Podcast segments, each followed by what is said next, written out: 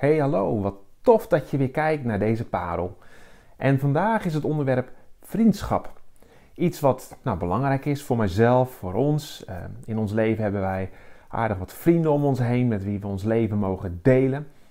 En ik weet nog goed dat, uh, ja, het is ongeveer vier jaar geleden dat wij in uh, het noorden zijn komen wonen.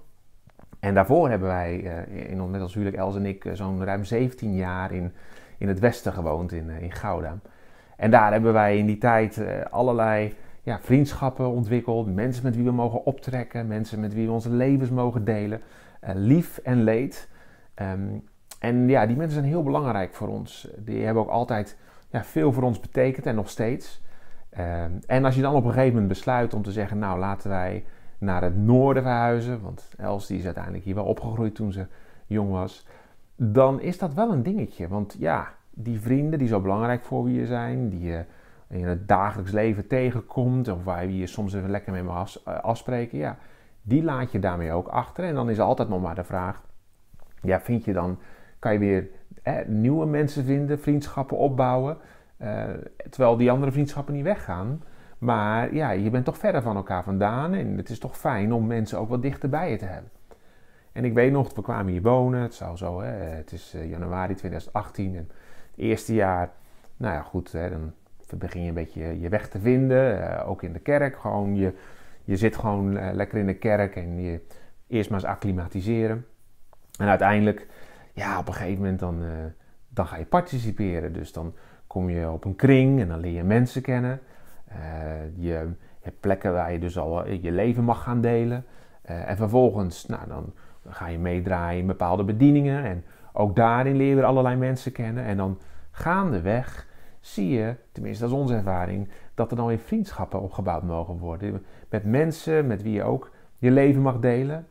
Uh, en dat betekent niet dat de vrienden die al, hè, vriendschappen die je al eerder opgebouwd had, weg zijn. Helemaal niet. Integendeel zelfs. Het, is, het heeft een iets andere vorm gekregen. Uh, maar er zijn wel heel wat mensen bijgekomen. En ik weet wel dat dat een van de dingen is die, ja, elke keer als we daarop terugkijken, dan kunnen daar alleen maar onwijs dankbaar voor zijn. Dat we zulke lieve, mooie mensen in onze omgeving uh, hebben. Met wie we mogen optrekken, met wie we ons leven mogen delen. Die uh, inspraak mogen hebben in ons leven, maar ook andersom, die, op wie we ook inspraak mogen hebben op hun leven. Nou, en dat verhaal, dat, dat, bepaalde me uiteindelijk ook wel een beetje voor het thema van vandaag. En ook het, een van de verhalen uit de Bijbel. En ik, uh, ik waarschijnlijk ken het verhaal wel, maar er is dan zo'n moment aan het begin van, uh, van de bediening van de Heer Jezus. Dan is hij in Capernaum. En dan, dan komt hij in een huis en dan gaat hij daar ja, Gods woord verkondigen. En ja, dan komen, willen de mensen dat allemaal horen. Uh, hij is al wat actief geweest, blijkbaar hebben de mensen al een beetje gehoord van hey, wie Jezus is en wat hij doet. En die zijn allemaal waarschijnlijk hartstikke nieuwsgierig en denken, ja, weet je, bij Jezus, uh, place to be. En wat kunnen we dan lezen in uh, Marcus 2, vanaf vers 2, en er staat, er stroomden zoveel mensen toe terwijl Jezus dus in zo'n huis uh, was, um, uh, zo, er, er stroomden zoveel mensen toe dat zelfs voor de deur geen plaats meer was en hij verkondigde hun Gods boodschap. En ik denk, oh, weet je, zo tof. Jezus, we hebben het allemaal gehoord. De, hè, die mensen daar, die hebben waarschijnlijk iets gehoord. Die denken, daar is Jezus, daar moeten we zijn. Laten we erheen gaan. En ik denk dat veel van die mensen die er waren, samen met andere mensen gekomen zijn. Ik kan me zo voorstellen, als ik kijk naar mijn vrienden, zeg ik, ja, en we willen iets leuks doen. Kom, ga samen doen, hè, want samen is nog leuker. Dus daar waren al heel veel mensen en die denken, ja, bij Jezus, daar moeten we zijn. En vervolgens lezen we in vers 3. En er werd ook een verlamde naar hem toegebracht, die door vier mensen gedragen werd. Nou ja, en als je, als je daarbij stilstaat, dan denk ik, oké, Jezus is daar, hij is in een huis en iedereen wil er zijn en je, je neemt je vrienden mee. En blijkbaar zijn er dus vier vrienden, of eigenlijk vijf, vijf vrienden, waarvan eentje er verlamd is. En samen hebben ze toch besloten, maar wij moeten naar Jezus, wij willen naar Jezus. En wat doen die vier vrienden? Die, die nemen die verlamde mee en dragen hem erheen. En als we verder lezen weten we ook hoe, namelijk op een slaapmat, en dan komen we nog wel. Maar die, die hebben dus hun vriend meegenomen. Dat is wat, hè? Want ik denk niet dat het misschien het huis van de buren was of zo. Ik denk eerder van, ja, weet je, ergens in dat dorp ging dat zo. En waarschijnlijk hebben ze heel wat straten moeten doorlopen om daar te komen zijn. En dan kom je daar dus aan en dan is het eigenlijk al heel druk. Maar ja, weet je, dan ben je toch echt een vriend als je zo je vriend, vriend meeneemt hè, uh, om dat zo te doen. Nou, en vervolgens uh, staat er in vers 4: Omdat ze door de menigte niet bij Jezus konden komen, haalden ze een stuk van het dak weg boven de plaats waar hij was. En toen ze een opening hadden gemaakt, lieten ze de verlamde op zijn slaapmat naar beneden zakken. Nou, hier staat nogal wat, hè? Je komt dus aan bij dat huis. Al die mensen staan daar te luisteren naar Jezus. Jij komt aan met je verlamde vriend. Hè, met z'n vieren til je je verlamde vriend. Je komt erachter, hier komen wij nooit doorheen. Maar wij willen, wij heel graag bij Jezus zijn. Wij moeten bij Jezus zijn. En wat doen die mannen dan? Die gaan dus het dak op. Nou, ga het maar eens proberen. Uh, verzamel eens vier mensen om je heen die jou tillen en ga maar strap lopen. Hoe zou dat zijn? Ik denk, dat is niet makkelijk. Maar ergens laat hier al iets zien. Hier laat iets zien over het hart van die vrienden. Want wat ik denk is dat die vrienden blijkbaar gehoord hebben: bij Jezus moet je zijn. Onze vriend hier heeft hulp nodig. Wij moeten bij hem zijn.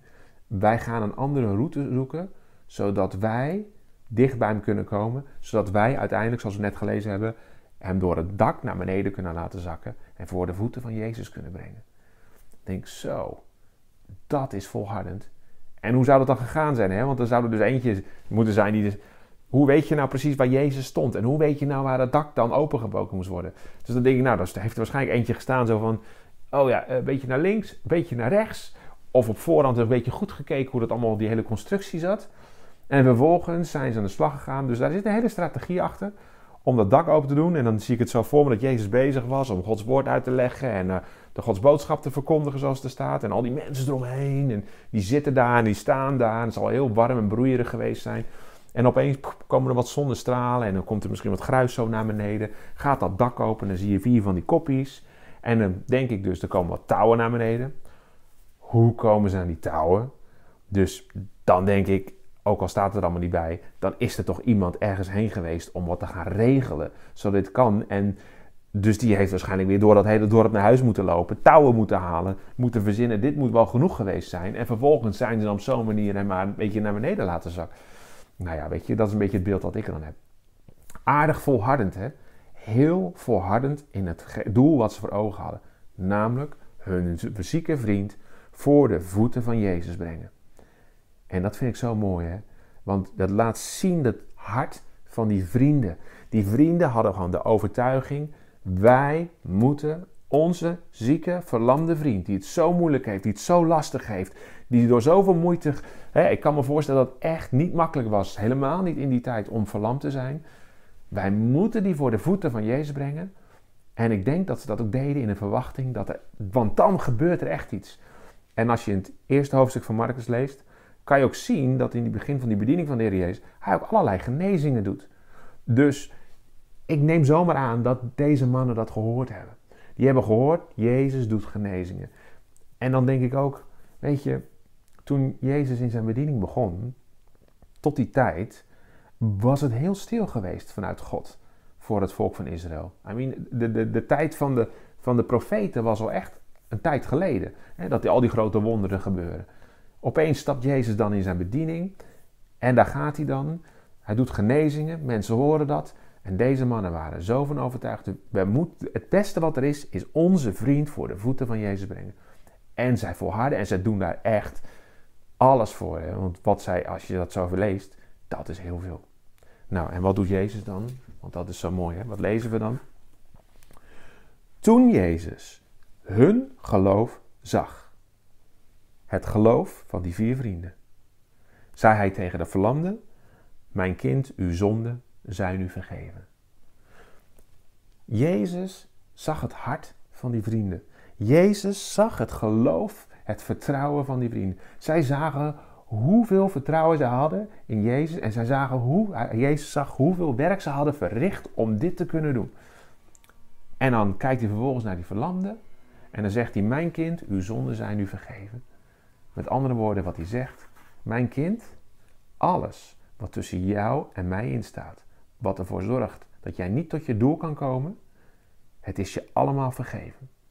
Met andere woorden, Jezus herstelt de relatie en zegt: Hier, er is, staat helemaal niks meer tussen ons in. En ik noem je zelfs mijn kind. En dat doet hij dus omdat hij het geloof van die vrienden gezien heeft. Die vrienden brachten hun verlamde vriend voor Jezus. En Jezus zegt: Ik neem alles weg. Ik neem alles weg wat ervoor zorgt dat wij niet in relatie kunnen staan.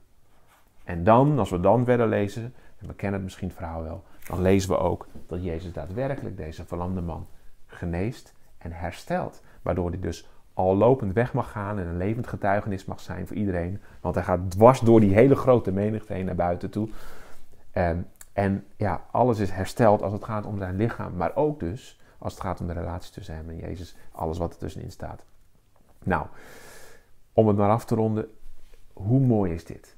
Hoe mooi is dit een mooi voorbeeld van wat vriendschap mag betekenen? Hoe mooi is het dat dit is wat vrienden mogen doen? En ik wil eigenlijk ook aan jou vragen: heb jij vrienden waarvan jij weet dat als jij het moeilijk hebt, als jij verlamd bent geraakt, als jij het lastig hebt in een moeilijke situatie, waarvan jij weet dat die gasten jou voor de voeten van Jezus zullen brengen? Dat zij alles in het werk zullen stellen om jou voor de voeten van Jezus te brengen? Of ben jij zo'n vriend voor de mensen om jou heen? Heb jij mensen van wie jij weet, ik ben die vriend, die alles zal doen om jou voor de voeten van Jezus te brengen? Want ik geloof dat voor de voeten van Jezus herstel en wonderen kunnen plaatsvinden. En ik bid het je toe en ik wil je bemoedigen om mensen om je heen te verzamelen of mensen om je heen te hebben, die net zoals, ja, op die manier, met wie je mag optrekken in je geloof, met Jezus, op wie je mag vertrouwen, van wie je, met je, wie je een leven mag delen, die inspraak mogen hebben op je leven. En dat van je weet dat die mensen om je heen altijd alles in het werk zullen stellen om jou voor de voeten van Jezus te brengen. En voor wie jij iemand mag zijn van wie jij weet, ik zal er alles aan doen om jou altijd voor de voeten van Jezus te brengen. In het geloof, zoals Jezus het ook zag, in het geloof dat er, als je iemand voor de voeten van Jezus brengt, dan zullen er wonderen plaatsvinden en zal er herstel plaatsvinden. En die wil ik zo bij je neerleggen voor deze dag. Amen.